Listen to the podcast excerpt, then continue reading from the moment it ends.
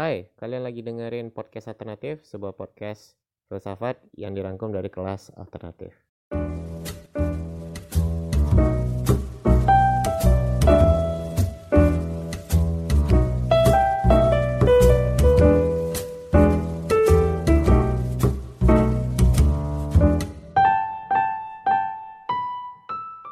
Baik, Assalamualaikum warahmatullahi wabarakatuh. Selamat pagi, salam sejahtera bagi kita semua. Bismillahirrahmanirrahim. Alhamdulillahirrahmanirrahim. Allahumma sholli ala Muhammad wa ala ali Muhammad. Balik lagi ke kelas alternatif, organized by Arena Alternatif, portal humaniora dan seni pertama di Indonesia. Sebagaimana yang udah saya perkenalkan gak lelah-lelah ya dari episode 1 itu. kita akan nyoal tentang filsafat praktis di mana saya punya misi di arena ini untuk membumikan filsafat atau membuat filsafat terkesan lebih simpel. Tentu ada beberapa pengorbanan yang saya lakukan nantinya di mana filsafat yang katakanlah sesungguhnya atau yang 100% nanti akan turun derajatnya.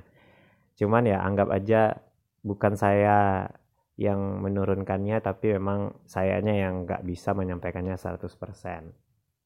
Tapi ini bagus buat kita yang baru-baru belajar filsafat. Hari ini agak beda dari hari sebelumnya kalau kemarin kita pakai Zoom untuk kelas filsafat kita atau kelas alternatif. Hari ini saya beralih ke WA lagi karena bahal, mahal juga bayar Zoom ternyata ya. Tapi nggak apa-apa. Besok kalau kita ada kesempatan kita pakai Zoom lagi. Kita akan bahas filsafat timur di edisi ke-11 ini di mana filsafat ini masih diperdebatkan apakah dia memang sebuah filsafat atau bukan dan banyak hal yang kemudian nanti agak beda dari apa yang telah saya sampaikan mulai dari pengantar filsafat yang barat banget di awal itu sampai episode terakhir kemarin ateisme yang benar-benar mengadopsi pikiran barat abis-abisan ya.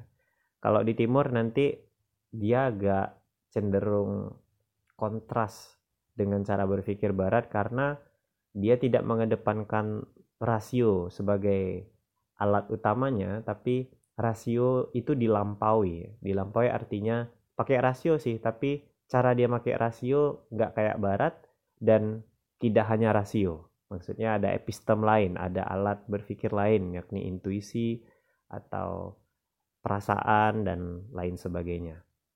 Tapi sesungguhnya mereka serupa tapi nggak sama ya. Serupa artinya ciri-cirinya agak-agak mirip, cara berpikirnya agak-agak mirip, tapi nanti ada karakter yang beda. Sama kayak adik kakak. Gitu. Dan saya hari ini mencoba untuk recording real time, artinya saya tidak menyiapkan recording ini dari kemarin-kemarin. Kalau biasanya kan saya selalu siapkan. Nah, hari ini tidak ya. Saya recordingnya real time. Saya ngomong, habis itu saya kirim ke teman-teman di grup. Kenapa real time ya? Karena kemarin saya pergi ikut rombongan keluarga. Ada kakak saya mau lamaran, mudah-mudahan lancar sampai akhir proses atau hari H.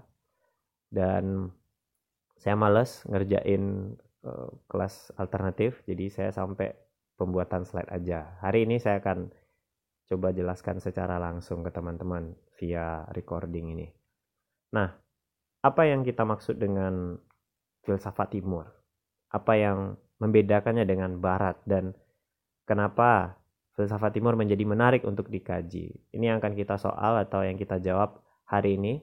Tapi subjudulnya sebagaimana yang sudah saya tulis di Instagram ini sifatnya pengantar ya.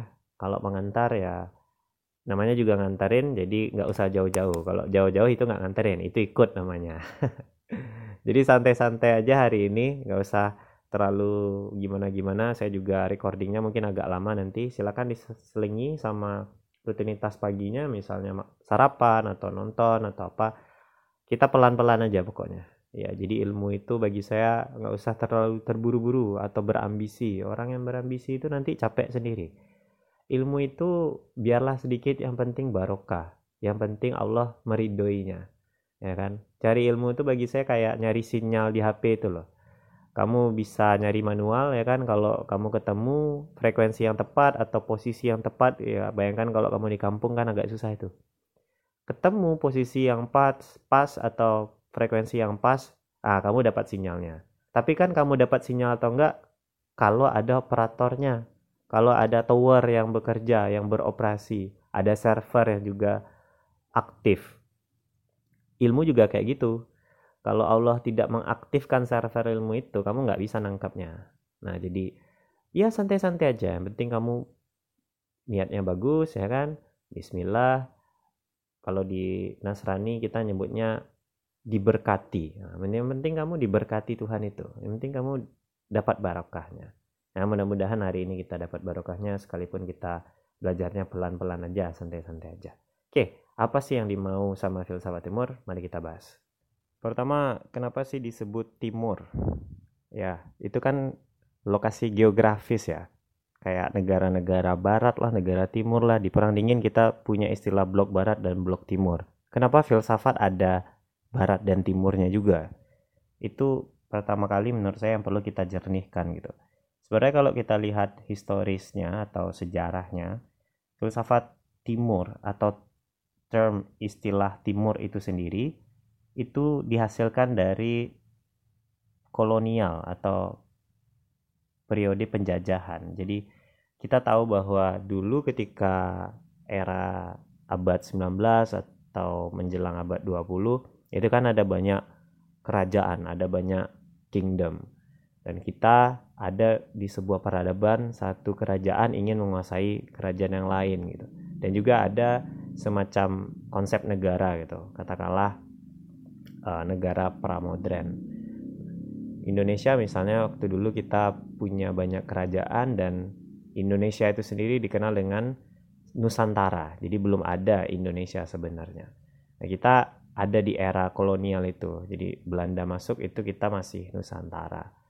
Dalam sejarah itu kita ada pada pengaruh negara lain. Jadi negara lain katakanlah Belanda, Spanyol, Prancis dan kawan-kawan yang menjajah negara lain yang ada di Asia hari ini. Itu adalah negara yang memetakan perjalanan mereka dari tempat atau kampung mereka menuju tempat kita, katakanlah Nusantara saat itu. Nah, ketika mereka memetakan perjalanan mereka, mereka membuat kotak-kotak, mereka membuat batas-batas. Jadi, Asia ini disebut dengan timur.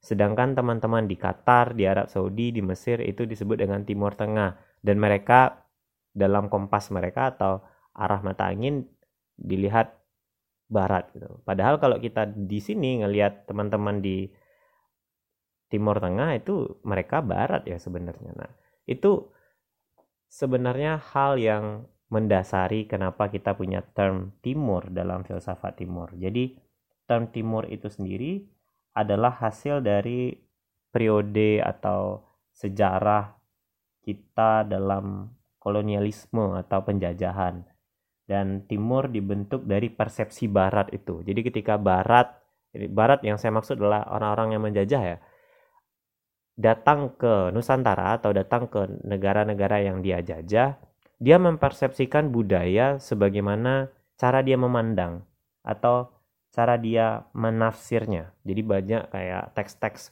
dari filsafat timur seperti babat tanah Jawa atau Taoisme atau Konfusianisme dan bla bla itu mereka yang persepsikan. Maka kamu akan ketemu banyak buku sebenarnya ketika membahas filsafat timur yang membahasnya justru orang-orang barat ya awalnya.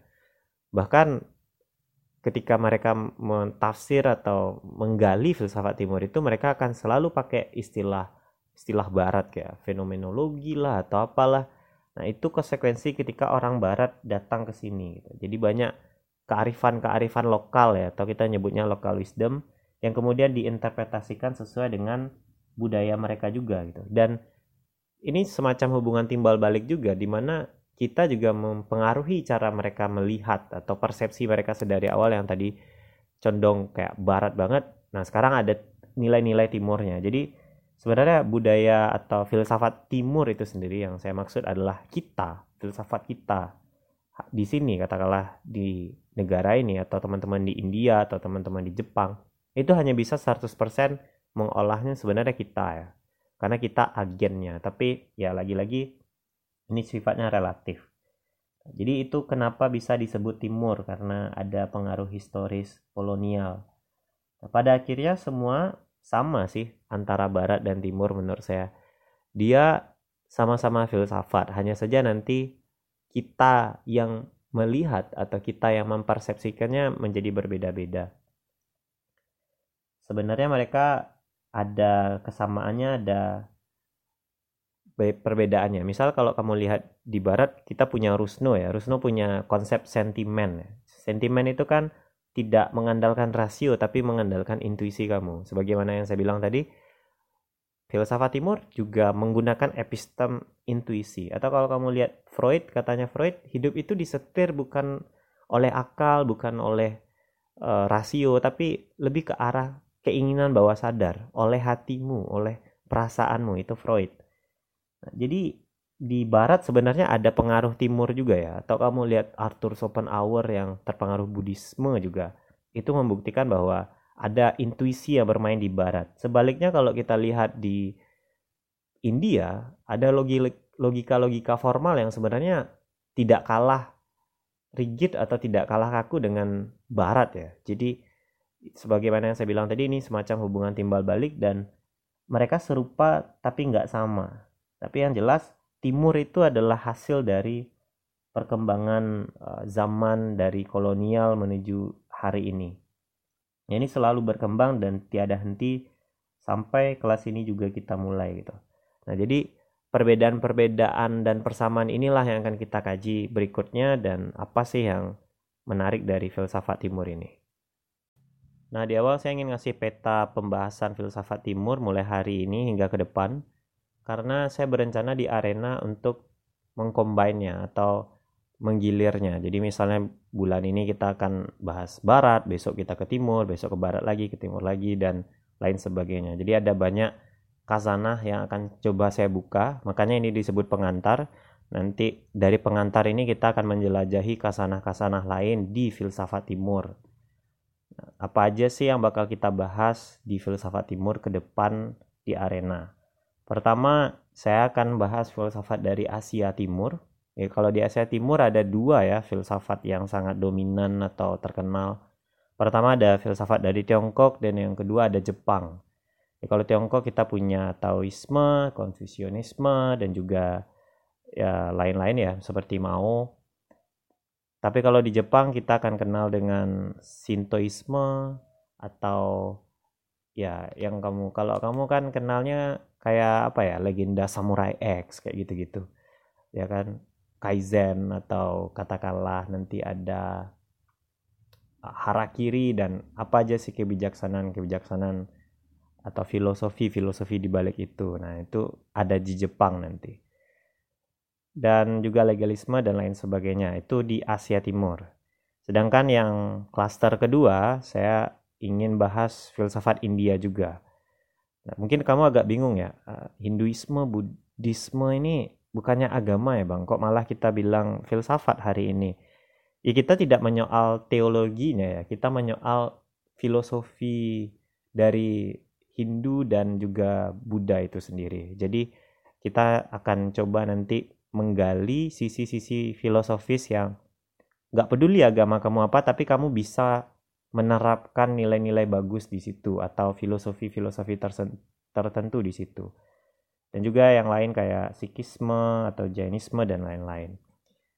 Dan kalau di Persia ya yang paling terkenal ya Zoroaster yang punya dualisme ya Tuhan baik dan Tuhan uh, jahatnya. Jadi nanti saya akan perkenalkan satu-satu bagaimana Zoroaster menjelaskan dunia ini atau filosofi-filosofi mereka mempersepsikan, menginterpretasi, menasir dunia. Jadi yang kalau saya bahas Zoroaster yang paling saya ingat adalah bagaimana mereka mempersepsikan dosa yang bagi kita mungkin sepele tapi mereka pikir itu dosa besar. Misal kayak kamu nginjak semut. Gitu.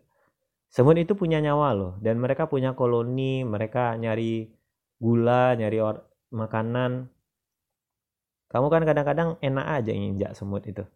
Atau tumbuhan kamu petik-petikin di taman ya kan. Kita nggak sadar aja kita melakukan bagi Zoroaster itu dosa besar. Emang kamu nggak pikirin perasaannya si semut itu? Tiba-tiba mereka kehilangan anggotanya atau ada salah satu anak mereka nggak pulang itu loh.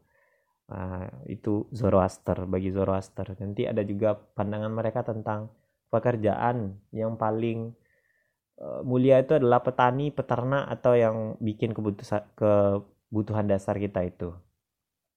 Itu Zoroaster. Ya ini dari Persia ya. Dan yang lain-lain kayak Bahaisme Zurfanisme Masdakisme dan lain-lain. Kamu bisa baca sendiri. Ya saya juga nggak paham semua filsafat yang saya sebutkan tadi tapi sebagaimana yang ada di arena kita akan belajar satu-satu jadi sebelum kita masuk ke kelas itu kita akan belajar kelas uh, filsafat itu dan nanti kalau saya rasa oh ya pemahaman kita udah cukup kita akan bahas filsafat Islam ada Averroes, ya, ada Ibn ada filosofi of kalam dan yang paling terkenal ya sufisme, orang-orang tasawuf. Kita akan bahas juga itu di literasi filsafat Islam atau kalau geografinya ada di Timur Tengah. Itu ya, Asia Timur, India, Persia, dan Timur Tengah. Cuman ada satu tambahan dari saya yakni filsafat alam Minangkabau. Nah, ini filsafat lokal dari daerah saya kalau teman-teman di Jawa ya kamu bisa tambahin ya filsafat Jawa atau apalah gitu yang ada di daerah kamu tapi menurut saya ini juga penting untuk dieksplor agar uh, kekayaan dari Indonesia itu sendiri nggak punah gitu karena saya yakin bahwa filsafat ketika kita bicara filsafat filsafat nggak cuma tentang Heidegger Marx Friedrich Nietzsche bukan itu tapi kadang-kadang kita juga bisa bahas Surawardi, kita bahas Datuk Ketumanggungan, Topiliang dan lain sebagainya.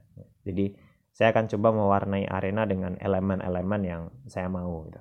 Kalau kamu nggak mau ya nggak apa-apa, kan bukan arena kamu. ya itu ya. Jadi ke depan kita akan coba menyelingi berbagai filsafat ini dengan filsafat Barat. Baik, kita masuk ke substansi awalnya. Kenapa sih filsafat Timur masih diperdebatkan sebagai sebuah filsafat? Problemnya yang secara umum ya menurut saya ada pada sistematikanya. Jadi kalau kamu lihat filsafat timur itu kan secara urutannya itu hancur habis-habisan. Maksudnya kalau kamu buka Weda, kalau kamu buka uh, Sansekerta dan filsafat-filsafat dari agama-agama tertentu di timur, itu kan bikin puyeng ya. Kayak satu ayat ngomongin tentang alam nanti di bawahnya malah ngomongin tentang perang misalnya nah itu kalau kamu nggak canggih menggalinya kamu malah bingung sama apa yang ingin disampaikan si penulis gitu loh jadi tidak runut tidak tidak berurut pembahasannya kalau di barat kan sangat rapi sangat sistematis mulai dari misalnya dia menyoal tentang apa yang dia maksud dengan istilah-istilah tertentu, kemudian dia bahas tentang ontologinya, epistemologinya, aksiologi dan lain sebagainya. Atau dalam eh, cabang-cabang uh, filsafat itu sendiri kan jelas ya, ada logika, ada etika, estetika dan lain sebagainya juga gitu. Kamu nggak akan bingung ketika kamu menelusuri filsafat barat karena sistematikanya jelas, kamu tahu dari mana kamu mulai dan dari mana kamu membahasnya. Kalau di filsafat timur, kita nggak tahu gitu loh. Kita harus kreatif menggali apa maksud si penulis dalam konteks tertentu. Dan itu sendiri sifatnya absurd aja atau nggak ada polanya gitu. Ya contoh apalah kalau kamu muslim kamu lihat Al-Quran. Nah itu kan juga tidak berurut ya penulisannya.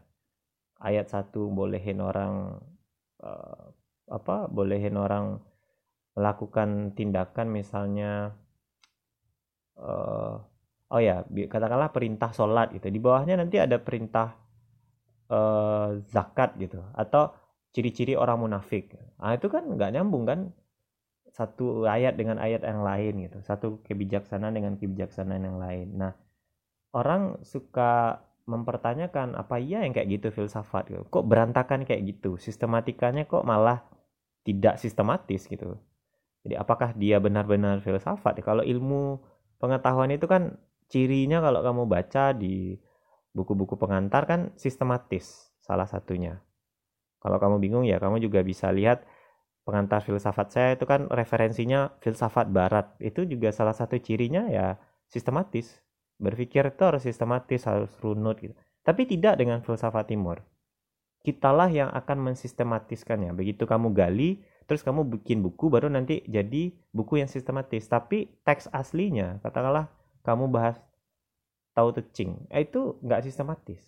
Jadi kalau kamu baca buku pengantar filsafat timur atau buku yang basisnya filsafat timur misalnya kayak di Gramedia saya pernah lihat buku uh, The Art of War-nya Sun Tzu. Itu udah dibikin sistematis tapi The Art of War Sun Tzu pasti susunannya nggak kayak gitu.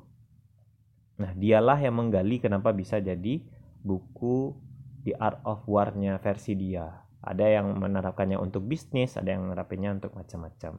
Nah itu filsafat timur. Jadi problemnya ada pada sistematikanya. Yang kedua, dia punya logika yang khas. Logika yang kadang-kadang orang nyebutnya logika yang justru nggak logis gitu atau cenderung irasional atau non rasional sehingga orang masih mempertanyakan ini kepercayaan atau filsafat sih gitu misalnya percaya kalau filsafat timur kan mencari eksistensi manusia di langit kayak kalau misal nih di filsafat uh, Nasrani misalnya atau kalau saya nyebutnya filsafat Yesus ya itu kan kita membahas tentang manusia itu ketika kita merunutnya ke Adam dan kita tahu dia makhluk surgawi dulu. Nah itu kan timur itu sedangkan kalau barat dia kan mencari eksistensi manusia atau manusia itu sendiri segala keterangan terkait dengan manusia ya di bumi. Dia akan gali arkeolog ar, uh, arkeologi arkeologi uh, apa ya ya semacam kerangka-kerangka manusia itu kan yang dilakukan oleh arkeolog arkeolog itu jadi dia akan cari apa sih peninggalan-peninggalan zaman megalitikum, mesolitikum dan lain sebagainya. Itu yang kemudian dia interpretasikan. Nah, itu kan sangat empiris dia tuh, sangat uh, berorientasi kepada panca indera gitu. Kalau kebijaksanaan-kebijaksanaan semacam Taoisme atau uh, katakanlah kebijaksanaan Sufisme, dia mencarinya ke langit gitu.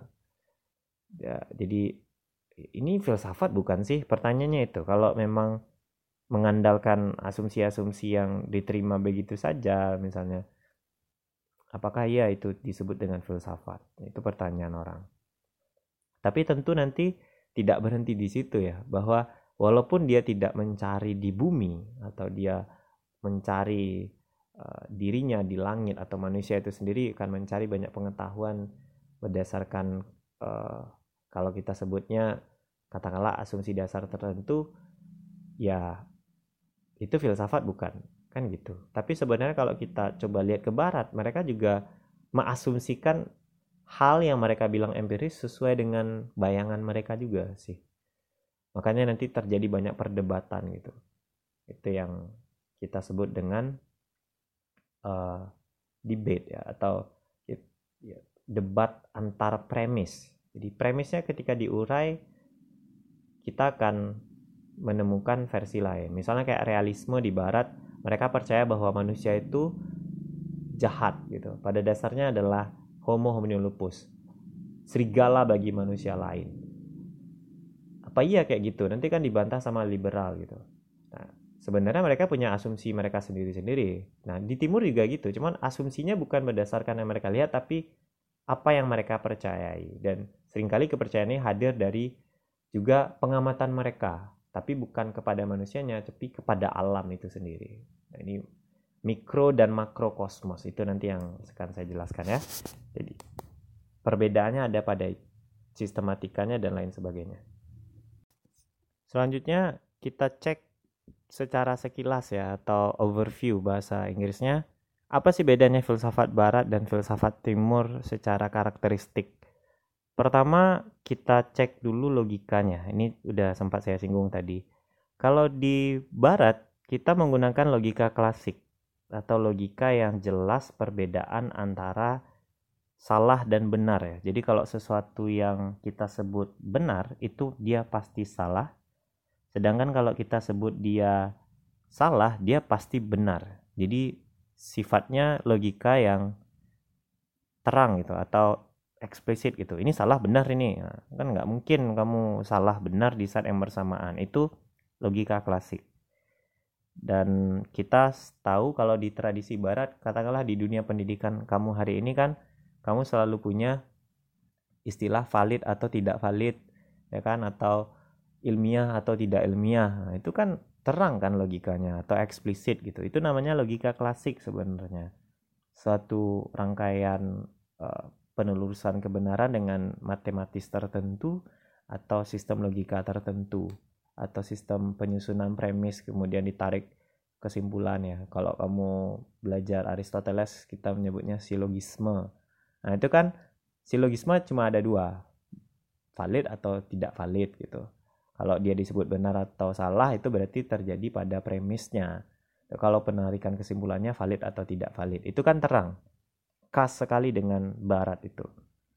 Logika klasik gitu. Tapi kalau di timur mereka menggunakan logika non klasik atau logika yang ada irisan antara kebenaran dan ketidakbenaran. Jadi ada kemungkinan antara benar dan salah itu terjadi di saat yang sama.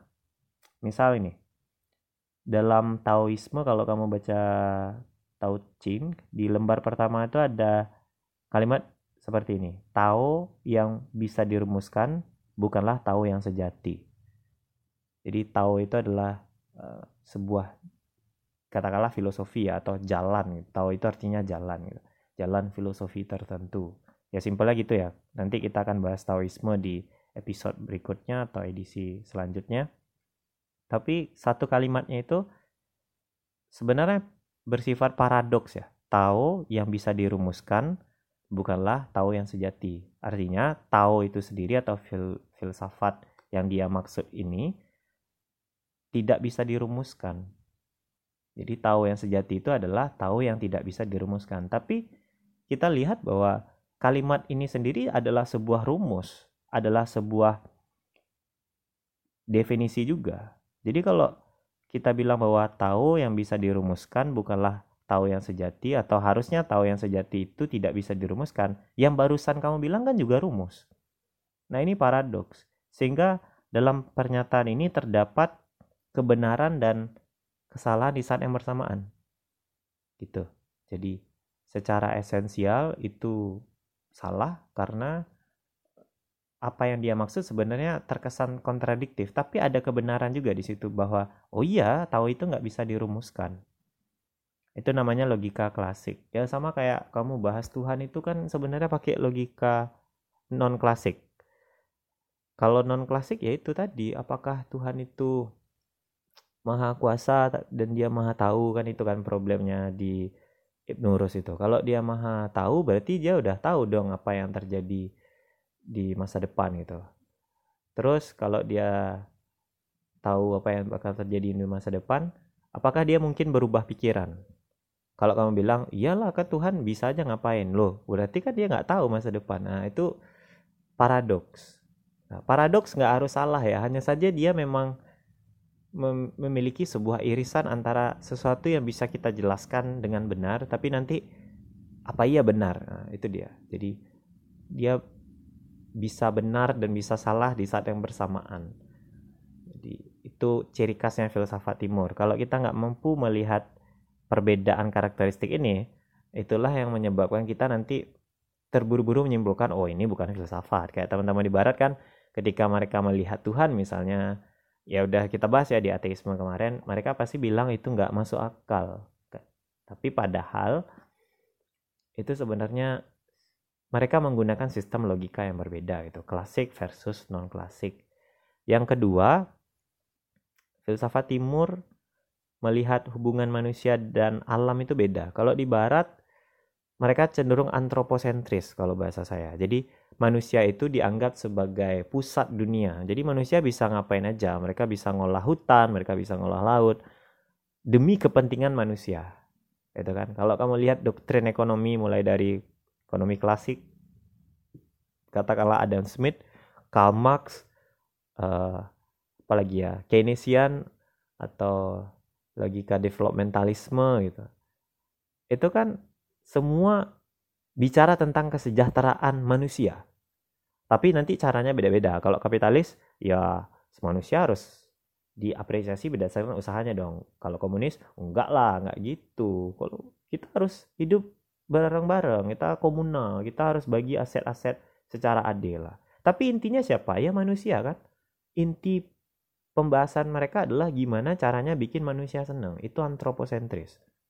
Mereka nggak peduli itu bak bakal bikin uh, alam rusak dan lain sebagainya karena alam nggak nggak dianggap terlalu penting ya. Yang penting adalah manusia itu sendiri gitu. Nah, andai nanti ada filsafat barat yang bicara tentang alam, pasti alam dipertimbangkan sebagai kepentingan manusia juga. Misalnya kamu ngomongin climate change atau perubahan iklim. Ini versi barat ya, cara berpikir barat. Kenapa kamu harus peduli dengan perubahan iklim? Ya karena itu demi kepentingan manusia. Nah, beda kan? Dia peduli terhadap alam, tapi ujung-ujungnya kenapa peduli ya karena manusia hidup di alam. Kalau nggak nanti kita dibanjiri sama es di kutub utara yang mencair dan lain sebagainya. Ujung-ujungnya tetap antroposentris. Itu barat. Sedangkan kalau di timur, mereka lebih cenderung ekosentris. Ekosentris ini gini, manusia itu bukan entitas yang berada di puncak piramid yang ngatur semuanya dan yang harus diprioritaskan adalah kepentingannya. Bukan itu. Manusia itu setara kedudukannya di depan alam ini, di depan semesta ini.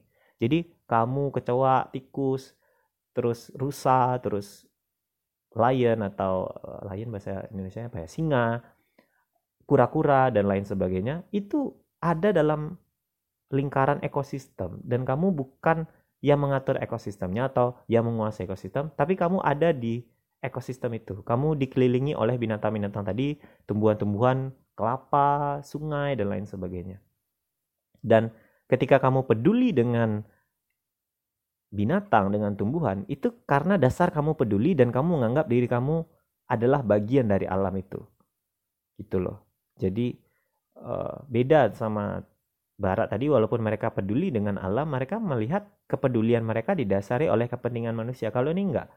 Alam ya alam, kita adalah bagian dari alam itu sendiri. Itu timur. Nanti mereka akan coba menjelaskan bagaimana kita bisa berharmoni dengan alam karena rusaknya kamu akan mengakibatkan alam juga rusak, sebaliknya alam rusak kamu juga rusak. Tapi kepentingannya bukan pada kamu, tapi pada harmoni yang ada dalam semesta ini. Itu timur. Kemudian kalau cita-cita hidupnya barat dan timur itu semacam yin dan yang ya. Kalau di barat kita lebih melihat cita-cita hidup itu adalah kemajuan. Dan kemajuan itu nggak mungkin dipisahkan dengan konflik. Misalnya gini, kamu ingin maju kan kamu kompetisi kan uh, eh tapi ini agak beda ya konteksnya dengan manusia ya. Kalau kayak gini, misalnya cita-cita hidup di barat itu adalah developmentalisme atau kemaj kemajuan zaman, katakanlah demikian. Nah, untuk majunya zaman ya konflik gak bisa dihindari.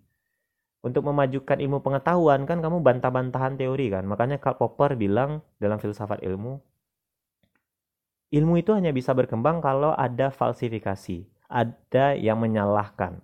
Misal, Newton disalahkan sama Einstein. Nah, ilmu fisika kan berkembang. Nah, nanti Einstein dipertanyakan ulang, mulai dibantah juga di abad 21 ini sama Prof. Uh, Michika Kaku kalau saya nggak salah. Michao Kaku atau ya dari Jepang itulah. Kamu lihat videonya What If Einstein Wrong. Nah, ilmu itu berkembang karena ada konfliknya. Jadi hidup ini niscaya selalu akan berkonflik. Nah, di timur juga iya kita melihat konflik yang sama, hidup selalu berkonflik, ada yin dan yang, ada positif dan negatif. Tapi ya kita mencoba untuk berharmoni dengan hidup ini. Jadi uh, kita tidak me, me, apa, menampik adanya konflik, tapi konflik tidak diterima begitu saja sebagai alat untuk mengembangkan kehidupan atau peradaban. Enggak, kita justru harus berharmoni dengan kehidupan dan cenderung nanti uh, perkembangan yang sifatnya agak lambat tapi ya harmonis gitu loh nggak harus cepat tapi berkonflik gitu kan barat kan sering kayak gitu dia cepat tapi nanti akan menimbulkan konflik sosial. Apakah itu ketimpangan kelas lah ketimpangan ekonomi dan lain sebagainya. Kalau di timur mereka lebih menyoal tentang uh, gimana caranya kita tuh hidup berharmoni dengan alam dan tidak ada terjadi ketimpangan antara kita sesama manusia, kita dengan alam dan lain sebagainya. Jadi cita-cita hidupnya lebih ke harmoni ketimbang mengakui adanya konflik dan mempergunakannya. Kalau contoh dalam kehidupan kamu sehari-hari misalnya gini, ada teman kamu nggak bayar utang, utangnya cuma 5000 ya kan? Terus kamu bilang, oh nggak bisa itu, ini bukan masalah 5 ribunya, tapi ini masalah harga diri saya kok dia nggak nepatin janjinya ke saya. Ah, itu kamu berpikir barat itu. Nggak apa-apa berkonflik kan kayak gitu aja. Tapi kalau mikir, ya daripada pertemanan kita rusak hanya karena 5 ribu, ikhlasin aja. Ah, itu kamu cenderung untuk berharmoni berarti. Nah, ciri-ciri filsafat timur. Ya kita kan orang timur kan sering gitu kan, ah, masa itu aja. Kalau di barat bukan masalah nominalnya nah, kan gitu. Tapi itu hak loh, hak harus diperjuangkan. Wah, itu barat sekali. Kenapa kita berkonflik sering sekali hari ini mungkin karena epistem yang dominan di masyarakat kita adalah epistem rasio ala barat itu. Jadi intuisinya kurang main. Nggak tahu sih menurut kamu gimana, nanti kita diskusi. Yang keempat, status manusianya. Jadi, kalau di barat cenderung kompetisi, jadi manusia itu ya mau nggak mau dipersepsikan sebagai makhluk yang ya mau nggak mau kompetisi, bersaing gitu loh. Sedangkan kalau di timur lebih menekankan solidaritas, hidup rukun dan lain sebagainya. Misalnya kompetisi ini di sekolah misalnya. Sekolah itu kan harusnya mendidik orang yang bodoh jadi pintar. Di barat, di universitas misalnya kan kamu di ranking. Kamu hanya bisa lulus kalau kamu ikut tes dan kamu melampaui skor minimum tesnya. Mau nggak mau kan kamu kompetisi kan. Udah lulus dari universitas kamu juga nyari kerja lagi-lagi kompetisi. Nah dari mana sistem ini berawal? Ya dari barat. Sistem yang sangat kompetitif. Kalau kamu lihat tradisinya orang timur belajar, mereka tidak kompetitif, mereka nggak punya sistem scoring. Mereka menyebutnya halakoh misalnya kalau di Islam atau majelis ilmu. Jadi kan misalnya kamu ke gereja atau kamu ke kelenteng, kamu belajar di Buddha atau kamu belajar di Islam. Kan nggak ada kan tiba-tiba setelah tokoh agama kalau bahasa Inggris kita nyebutnya priest atau ustadz atau pendeta atau siapalah yang ceramah di depan kamu. Terus kamu nanti dinilai. Kan nggak ada kayak gitu ya kita nuntut ilmu di kebijaksanaan timur atau filsafat timur ya tujuannya adalah pintar bareng-bareng gitu loh. Bukan kompetisi. Jadi silakan kamu ambil ilmu sebanyak yang kamu bisa. Ya udah nanti itulah kamu. Nah itulah hasilnya. Banyak kan? Kayak sufisme atau para sahabat itu belajar di Timur Tengah di Arab sana kan gitu sistemnya. Nggak ada pakai IPK gitu. Misalnya muslim eh, yang nulis uh, hadis itu uh, ya kan Bukhari atau siapa tiba-tiba dia dapat nilai. Kan nggak gitu. Nah di barat kebalikan ya kan ada nilainya ada sistem scoringnya dan lain sebagainya hari ini pendidikan kita ya sangat barat gitu loh kalau di timur nggak ada kayak gitu-gitu nah, cuman ya tentu lagi-lagi ini asimilasi ya, bagaimana percampuran keduanya sehingga menjadikan sebuah sistem yang kita sepakati hari ini. Tapi intinya overview atau melihat sekilas ada empat setidaknya perbedaan filsafat barat dan timur. Pertama kalau di barat secara logikanya kita pakai klasik, timur non klasik. Melihat manusia dan alam kalau di barat itu antroposentris, kalau di timur ekosentris. Cita-cita hidup kalau di barat ya berkonflik, maksudnya gak apa-apa sih berkonflik yang penting kita maju gitu kalau di timur lebih oh nggak apa-apa lambat-lambat tapi yang penting harmonis lebih ke arah berharmoni sedangkan status manusia lebih ke arah manusia yang kompetitif ya individualis ya. Kalau di barat ya kan gitu kan sering hidupnya di apartemen ya. Kamu kaya ya kaya itu usaha kamu. Nah, itu kan kompetitif. Nah itu individualisme. Kalau di timur lebih ke solidaritas lebih ke arah untuk kolektivisme. Selanjutnya kita bahas kisi-kisi atau ontologi dari filsafat timur ini. Apa sih yang ada dalam filsafat timur ya pertama ada kebenaran universal atau sophia parenis. Jadi ya ada semacam hal yang bisa disepakati. Kalau di barat itu bahkan semua hal itu bisa diperdebatkan dan bisa aja nggak disepakati. Misalnya apakah manusia punya kehendak bebas? Itu bisa dipertentangkan di barat. Atau realitas itu ada apa enggak itu juga dipertentangkan. Kan saya pernah bahas itu di weekly journal saya yang di Instagram saya sendiri, apakah kita hidup dalam simulasi komputer? Itu kan perdebatan tentang realitas. Apakah sebenarnya realitas ini benar-benar ada sebagaimana yang kita pahami? Misalnya di Rene Descartes, kamu tahu bahwa ada istilah aku berpikir maka itu aku ada. Bagi Descartes, hal-hal seperti kipas angin, lemari, bla bla, itu bisa jadi ilusi. Satu-satunya yang pasti nggak ilusi adalah kita yang berpikir. Itu kan barat sekali ya nyaris gak ada yang namanya kebenaran mutlak itu. Kalau di timur ada yang namanya kebenaran mutlak itu, yakni kebenaran universal. Contohnya faktisitas. Jadi misalnya kamu lahir dari keluarga yang kaya, itu kan faktisitas. Atau kamu ganteng faktisitas. Atau kamu uh, lahir dari keluarga yang punya tradisi jadi guru. Itu kan faktisitas. Apa hal-hal yang terjadi di alam ini juga sesuatu yang sifatnya faktisitas? Sifatnya terberi gitu. Sedikit sekali yang kita tidak tidak diberi gitu atau kita yang mengupayakannya. Kalau di stoicisme kita menyebutnya respon terhadap alam itu ya kita tidak diberi itu kita yang menentukan. Tapi ada semacam kebenaran universal bahwa alam ini realita realistis atau alam ini benar-benar real kemudian kita harus menyesuaikan diri pada alam. Biasanya filsafat timur selalu kayak gitu. Ya kan? Tuhan itu ada gitu. Nah, itu kan diterima sebagai sesuatu yang ya udah Tuhan tuh ada gitu. Alam ini ada yang ngatur kayak gitu gitu hanya saja nanti yang mereka sebut sebagai Tuhan itu beda-beda istilahnya. Ya kan misalnya konsep karma dalam Hinduisme atau konsep nirvana dalam Buddha itu kan nggak ada penelusuran secara empiris. Tapi apakah kehidupan setelah kematian itu ada itu diterima sebagai kebenaran yang universal. Itu ciri khasnya timur. Dari situ nanti akan banyak filosofi-filosofi lahir. Di kebenaran universal ini landasannya atau asumsi dasarnya.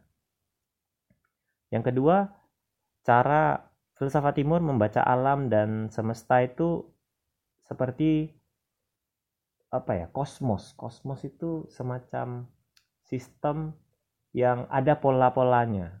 Jadi kalau alam itu makrokosmos pola besarnya sedangkan manusia itu mikrokosmos. Untuk memahami alam kita harus paham diri kita. Itu kalau di timur. Jadi misalnya nih kamu ingin tahu bagaimana ini ala sufisme ya, bagaimana sifat Tuhan itu. Kamu lihat aja sifat kamu. Kadang-kadang kamu suka men, mencintai yang lain, nah Tuhan juga kayak mirip-mirip kayak gitu, ya kan?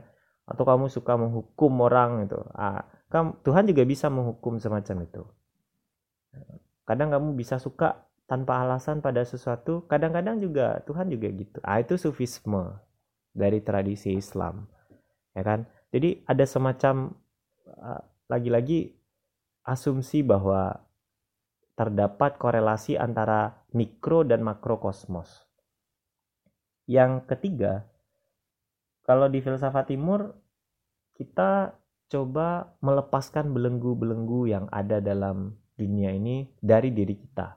Kalau di barat misalnya orang kan berobsesi untuk melakukan kemajuan. Kamu bikin teknologi, kamu bikin mobil, kamu bikin pesawat dan lain sebagainya itu barat Sedangkan kalau di timur, kita justru melepaskan diri kita dari dunia itu. Modernitas yang membelenggu ini. barat tidak terlalu concern ya antara teknologi dan moral antara teknologi dan ketenangan jiwa kamu nggak ada barat concern terhadap itu pokoknya mereka jualan udah gitu aja ya kan ada mobil ada all shop ada laptop dan lain sebagainya apakah nanti gara-gara mobil laptop itu kamu menjadi orang yang stres menjadi orang yang diburu-buru dengan target duniawi barat nggak peduli pokoknya hidup ya kayak gitu kamu berkompetisi seperti yang saya bilang tadi untuk menjadi status-status tertentu yaitu cara barat berpikir gitu. Kalau di timur kebalikannya, apa iya kita perlu barang-barang itu? Apa sih yang kita maksud dengan bahagia itu? Apakah bahagia terdapat keterkaitan antara bahagia dan barang-barang yang ditawarkan oleh perusahaan-perusahaan atau oleh kelompok-kelompok bisnis? Itu yang ditanya oleh seorang kepada Buddha kan. Jadi, wahai Buddha, saya ingin bahagia. Katanya mudah, oke, okay, kamu ingin bahagia kan? Caranya pertama, kamu hapus kata ingin. Terus kamu hapus kata aku. Ya udah, kamu bahagia. Itu kata Buddha. Maksudnya ingin adalah menghapus desire, menghapus keinginan kita, target-target kita dan lain sebagainya. Sedangkan aku di situ bukan kamu sebagai entitas, tapi ego kamu ego ingin memiliki dan lain sebagainya. Ya dengan kata lain jangan kepengen sesuatu yang kamu nggak punya dan jangan ego untuk mengejar yang kamu pengen. Di situ kamu pasti bahagia. Ah, simpelnya itu kan pengen bilang untuk bahagia itu kamu harus bersyukur. Inginkanlah sesuatu yang kamu punya hari ini. Ah itu Buddha.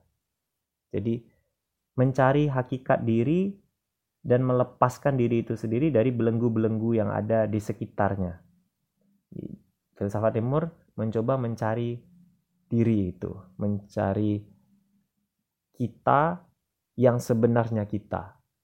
Itu loh. Atau bahagia yang sebenarnya bahagia. Kamu itu kan kadang banyak topengnya.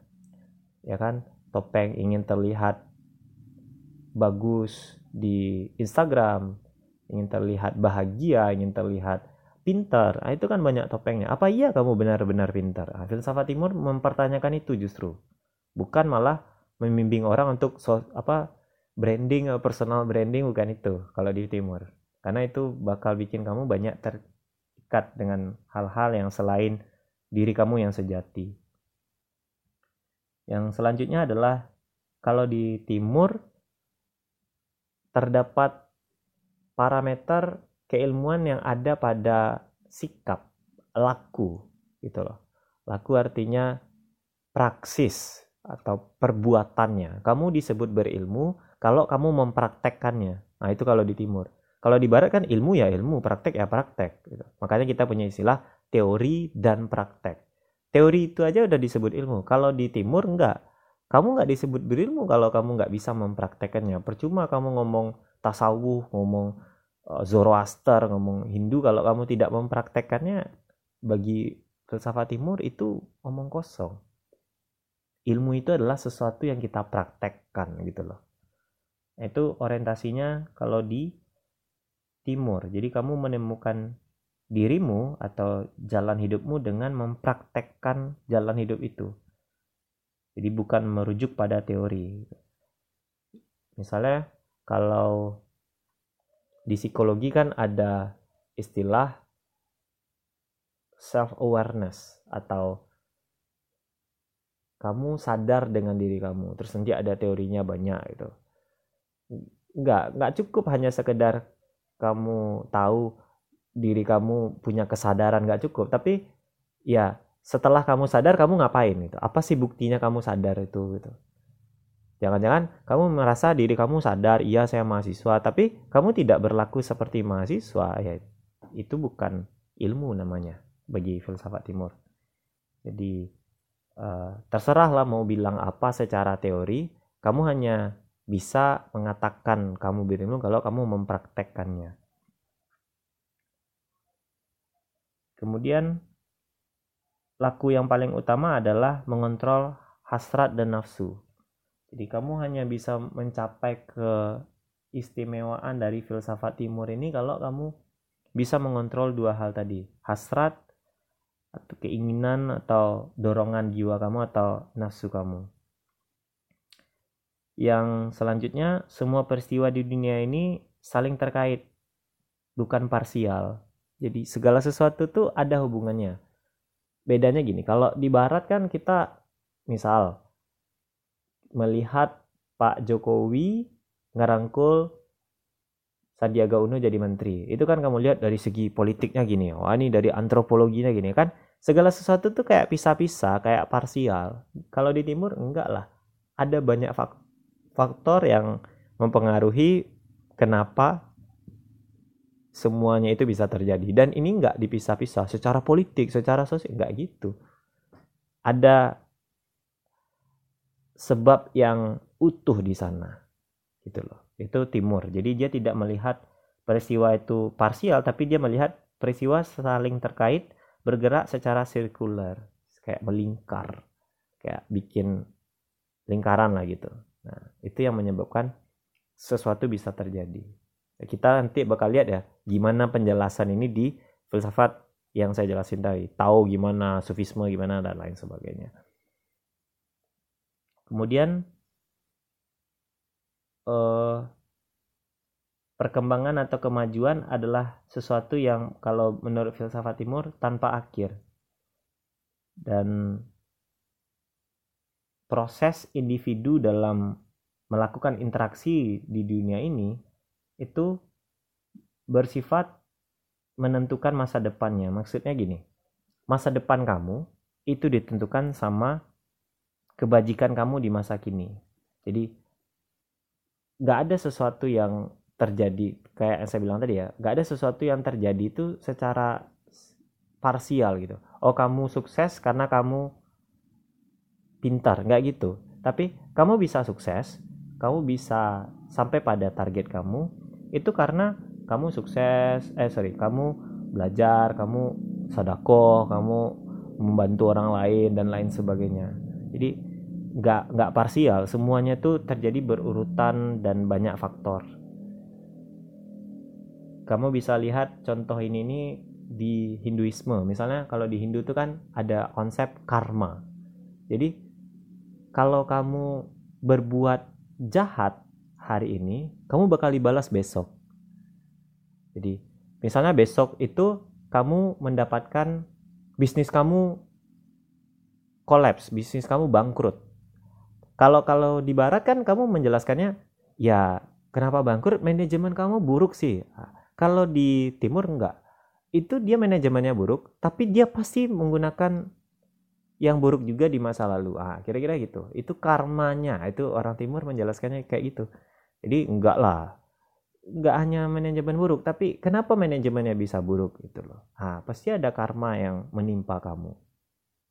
Jadi kalau di Hinduisme itu kita ini bakal hidup sesuai dengan derajat kebaikan dan keburukan kita. Misal, kalau kamu sekarang jadi orang jahat, terus keburukan kamu adalah 70, sedangkan kebaikan kamu 50, itu kan 70 dikurang 50, sisa 20.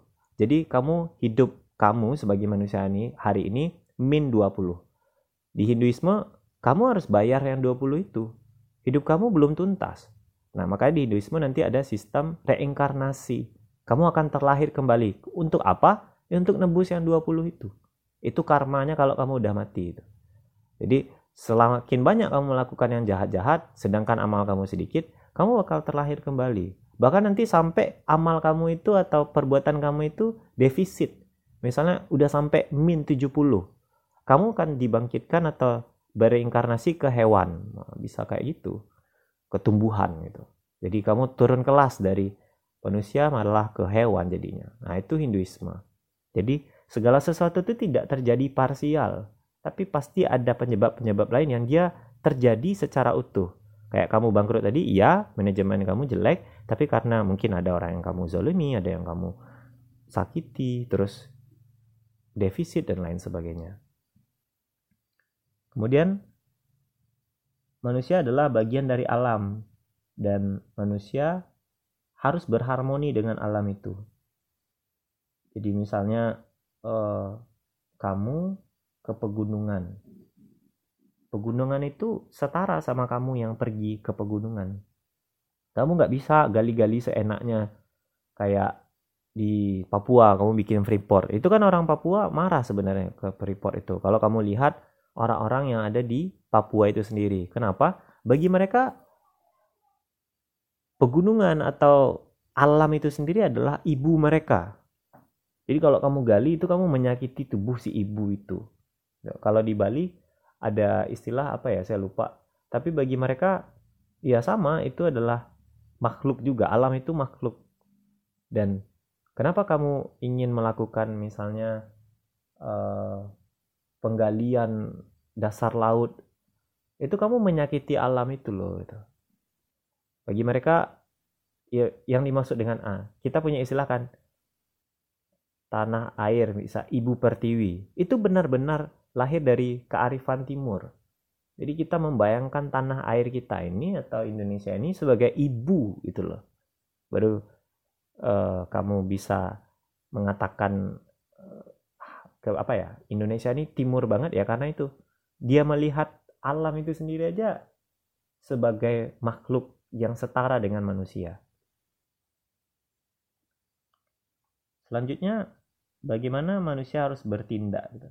Di kemenangan atas diri kamu adalah bagaimana kamu bisa mengontrol diri kamu itu.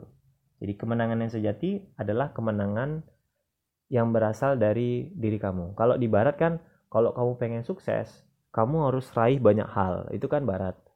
Mobil, rumah, apa pun lah itu ya itu kan developmentalismenya barat atau budaya kapitalismenya barat. Kalau di timur, kamu menang itu kalau kamu nggak punya keinginan justru. Kamu nggak terikat dengan hal-hal ya rumah, mobil, pacar dan lain sebagainya. Itu kamu menang. Jadi kalau di Islam misalnya ada istilah jihad akbar. Jadi jihad akbar adalah mengalahkan diri sendiri. Nah, bandingkan dengan op optimisme di barat yang pengen punya segala hal. Jadi kalau di timur justru ya kalau kamu lihat Taoisme juga gitu ya atau Buddha gitu. Jadi Buddha itu percaya kenapa kamu lihat Buddha itu yang istilahnya priest di Buddhanya kan pakai baju yang ala Buddha ya. Dan mereka memang tidak terikat kan dengan duniawi ini. Mereka beribadah gitu. Nah, bagi mereka itulah kemenangan gitu. Seringkali timur mempersepsikan kemenangan itu adalah pengendalian diri bukan pemuasan atau pemenuhan diri. Kalau di barat lebih cenderung pemenuhan diri. Itu loh. Jadi kira-kira nanti akan ketemu hal-hal yang kayak saya bilang tadi.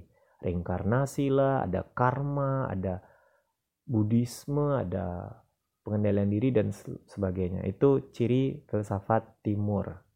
Baik dari yang Asia Timur, India, Persia, dan lain sebagainya tadi. Nah, Lanjut kita bahas tentang manifestasi filsafat timur atau perwujudan filsafat timur itu gimana sih? Kan tadi kan titik tekannya ada pada laku ya, pada prakteknya. Kita nyebutnya New Age atau pergerakan era baru. Nah, ini sebenarnya lebih ke arah revitalisasi atau membangkitkan filsafat timur itu kembali gitu. Dan ini banyak dilakukan oleh orang-orang barat justru kamu yang punya ketimurannya kadang-kadang terpesona dengan barat kan? Orang barat karena dia stres habis-habisan hidup yang kompetitif kemudian maju-maju terus ya kan? Mereka lebih cenderung untuk mengadopsi cara berpikir timur untuk tidak kompetitif untuk berharmoni dengan alam justru dan lain sebagainya. Manifestasinya ada banyak ada musik ya kan? Misalnya musik klasik Cina kemudian ada film. Film ya misalnya tentang Buddha lah tentang macam-macam ya legenda-legenda ketimuran itu. Atau buku-buku ya tentu saja ya. Misalnya Taoisme atau Maoisme atau ya kayak yang saya bilang tadi ada Sun Tzu itu jadi referensi baru ya kan di barat hari ini. Ketimbang yang ngomongin tentang misalnya perang itu kalau di barat kan ada Machiavelli Il the Prince gitu. Uh, yang jadi referensinya Napoleon Bonaparte terus uh, Hitler, Mussolini. Sekarang mereka pindah ke Sun Tzu misalnya di Art of War, seni perang. Padahal arena sama, cuman di barat mereka mungkin agak bosan dengan cara berpikir yang itu-itu aja. Atau seminar pengembangan diri, ini banyak ya. Ada kayak seminar tentang apa ya? Tentang menemukan kembali jati diri itu, reading ourselves kira-kira gitu. Dengan metode meditasi gitu. Katakanlah demikian dan lain sebagainya. Jadi ada kelompok perdamaian juga atau pecinta alam, balik yang saya bilang tadi, karena sifatnya ekosentris, nanti akan banyak kelompok-kelompok pecinta lingkungan yang basisnya adalah filsafat timur, yang melihat bahwa kita adalah bagian dari ekosistem, bagian dari alam, dan kita bukan yang seenaknya ngatur-ngatur atau mempergunakan alam untuk kepentingan kita.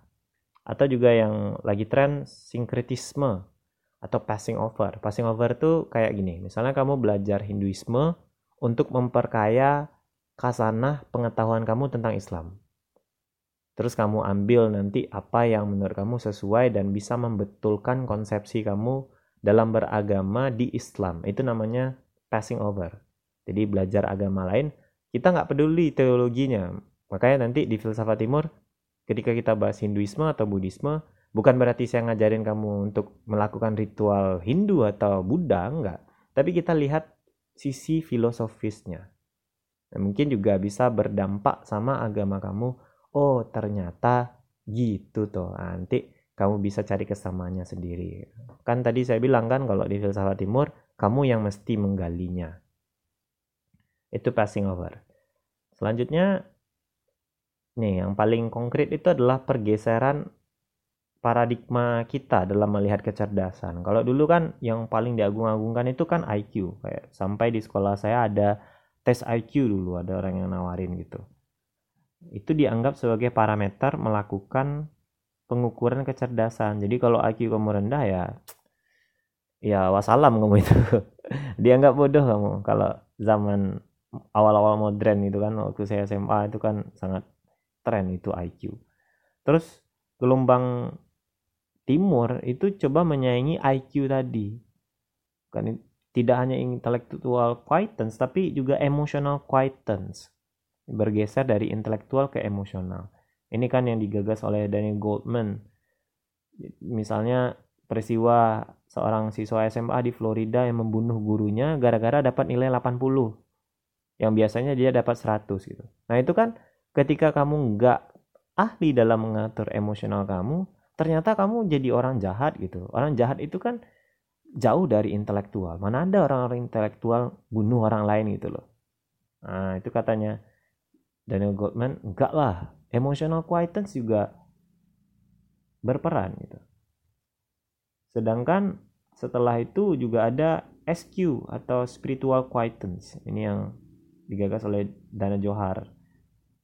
Emosi atau pengendalian itu bisa palsu, tapi tetap menyisakan kekosongan karena kepalsuannya. Jadi, oke okay, kamu bisa mengendalikan emosi kamu, kan tapi bisa aja kan kamu tertekan gitu atau merasa hampa.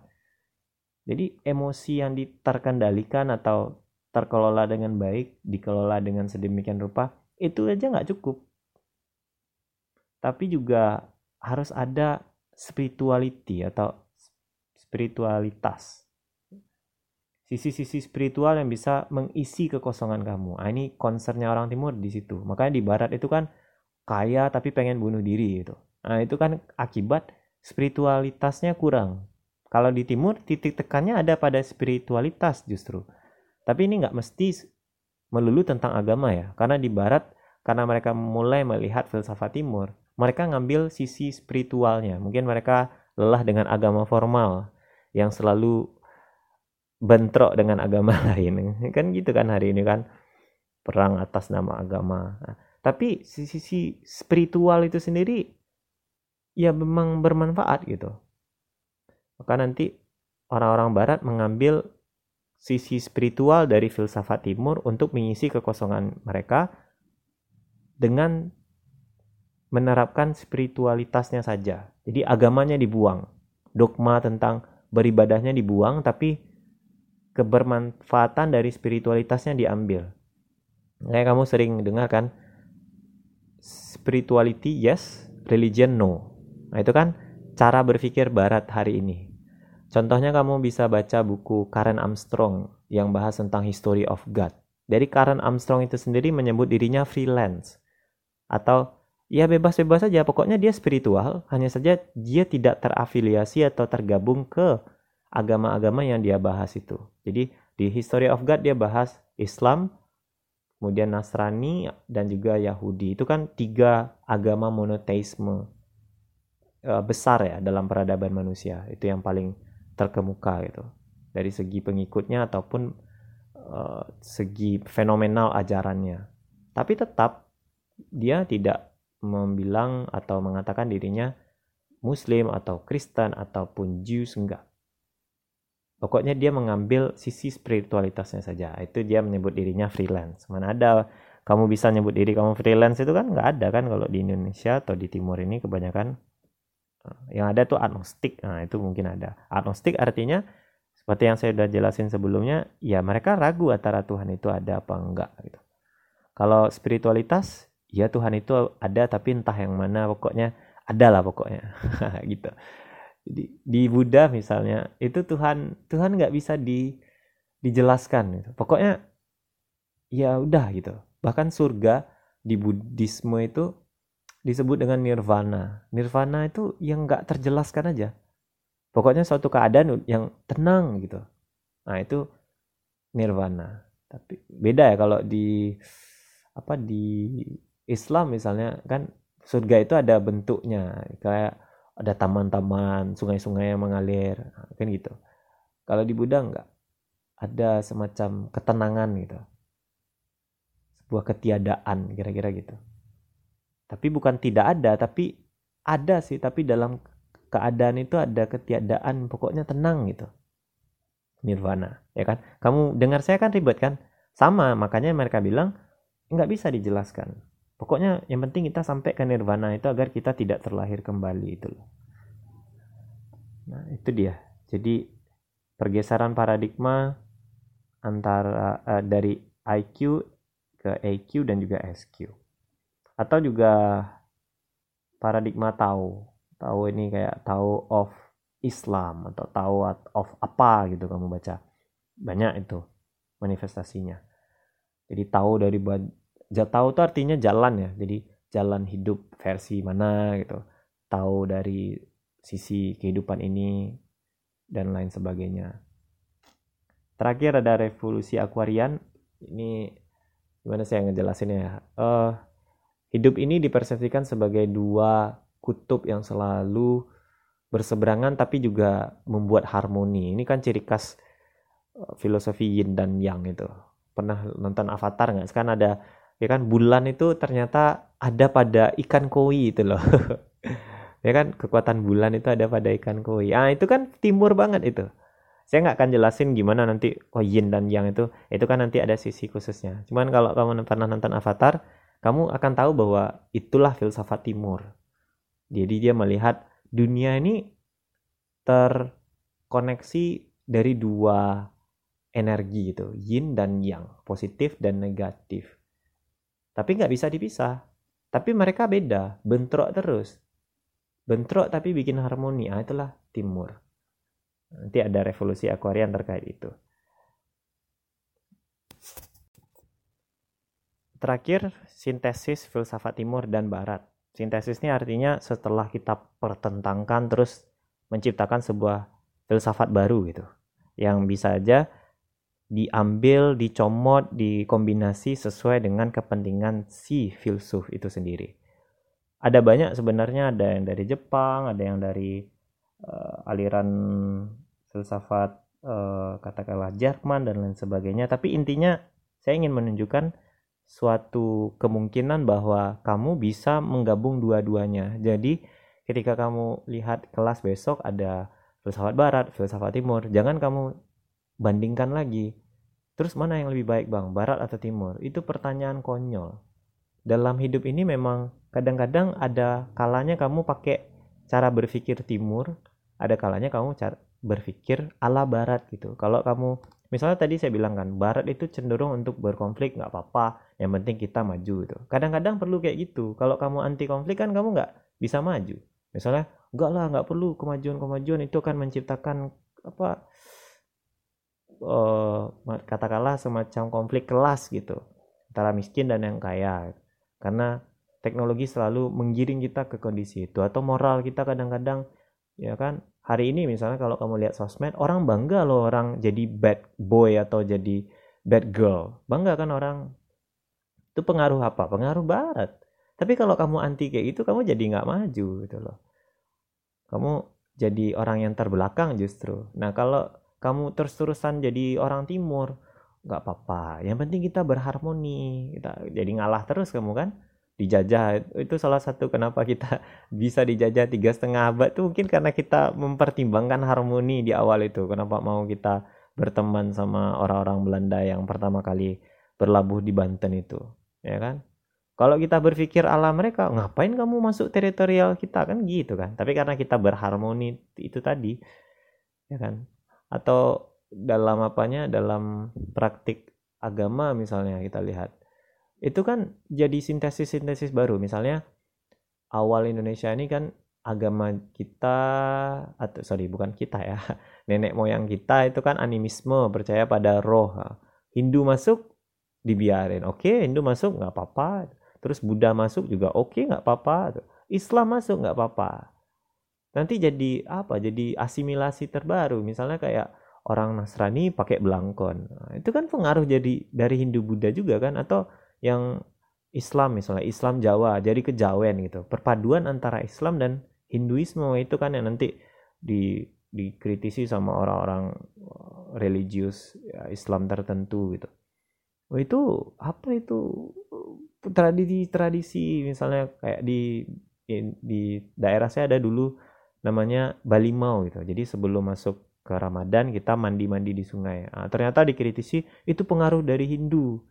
Oh mereka mandi dulu sebelum masuk ke hari raya. Ternyata ada korelasinya kayak gitu. Nah itu kenapa bisa kayak itu ada sintesis. Ada pertentangan-pertentangan terus oh iya kita kita gini aja lah jalan tengahnya. Nah, itu sintesis gitu. Gabungan-gabungannya. Di filsafat barat dan timur juga ada sintesisnya. Misalnya Arthur Schopenhauer. Arthur Schopenhauer ini kan tokoh pesimisme di barat. Jadi dia terpengaruh sama ajaran Hinduisme yakni tentang uh, keterbebasan diri. Misalnya gini bagi Arthur Schopenhauer hidup ini kan penderitaan. Misalnya kamu hidup dari SMA pengen kuliah. Kuliah pengen kerja kerja nanti ada penghasilan penghasilan 5 juta pengen 6 juta itu kan nggak selesai selesai kamu selesai dari satu keinginan, kamu muncul lagi keinginan baru. Dari yang itu muncul lagi, muncul lagi. Dan kamu capek kan mewujudkan keinginan kamu itu. Nah masalahnya keinginan ini nggak hilang-hilang gitu. Manusia itu kan sifat dasarnya nggak mau puas atau nggak bisa puas justru. Itu penderitaan, kita selalu diburu-buru oleh keinginan kita sendiri. Nah itu cara menjelaskan hidup ala Arthur Schopenhauer gitu. Bahkan ketika kita ingin ya udahlah kita kayaknya nggak selesai-selesai muter-muter dari satu keinginan keinginan lain. Udah kita mati bunuh diri aja misalnya. Itu kan mati bunuh diri juga semacam keinginan kan kamu ingin bunuh diri itu. Kamu juga terkuasai sama keinginan kamu sendiri. Nah, jadi filosofi pesimisme itu itu bahwa hidup memang penderitaan kayaknya. Tapi ada cara untuk lari dari penderitaan katanya Arthur. Pertama musik. Wah itu kan kalau kamu dengar musik kan kamu seolah-olah lupa dunia gitu. Misalnya musik komuter Alan Walker gitu, yang fade uh, faded atau alone atau apalah Spectre misalnya. Ya serah-serah kamu lah suka suka kamu atau kamu muter Avicii gitu, musik-musik disco itu semua. Itu kan kamu seolah-olah melupakan masalah kamu saat itu Nah, makanya katanya Arthur Schopenhauer, ini eskapisme atau cara kabur yang sementara. Ada cara kabur yang permanen untuk bisa menghadapi hidup, yakni nggak usah punya keinginan. Nah, nggak usah punya keinginan ini ibaratnya kamu berambisi untuk tidak memiliki ambisi. dari situ nanti hidup kamu bisa bahagia ya intinya ya nggak usah inginkan apa pun dalam hidup ini. Hidup kan penderitaan. Jadi kalau kamu ingin tidak menderita nggak usah inginkan apa pun. Nah itu terpengaruh dari Hinduisme. Jadi nanti juga ada yang semacam itu. Misalnya di Carl Jung dia sintesis I Ching. Jadi kitab perubahan yin dan yang dalam psikologi. Kemudian Heidegger juga pernah menerjemahkan Tao Te Ching. Kemudian di Jepang ada aliran Kyoto, sintesis Husserl sama Zen Buddhisme. Kemudian uh, kalau Watsuji Tatsuro itu sintesis Kierkegaard, Nietzsche, Heidegger dengan pemikiran timur ada beberapa. Kemudian uh, Sir Aubindo itu Buddha dan idealisme Jerman. Jadi jangan menanya perbandingan lagi. Orang yang nanya-nanya mana yang lebih baik itu biasanya orang yang terlalu kaku. Seolah-olah segala sesuatu harus dipilih. Enggak lah. Tergantung keadaan aja. Kamu pakai mana yang cocok nanti. Mungkin ada beberapa yang kamu ambil dari eh, Hindu nanti, ada beberapa yang kamu ambil dari Persia, ada Zoroaster, dan lain sebagainya. Mungkin itu untuk pengantar hari ini. Ya saya tahu ya ini sifatnya sangat umum, tapi kan lagi-lagi saya bilang namanya juga nganterin. Nganterin ngapain jauh-jauh? Santai aja lah. Yang penting kamu tahu istilah-istilah tertentu hari ini dan ke mana arah filsafat timur di arena alternatif ke depan. Mungkin itu. Saya ucapkan terima kasih atas perhatiannya. Mari kita diskusi. Wabillahi taufiq wal hidayah. Alhamdulillahirabbil alamin. Mohon maaf, atas segala kekurangan. Assalamualaikum warahmatullahi wabarakatuh.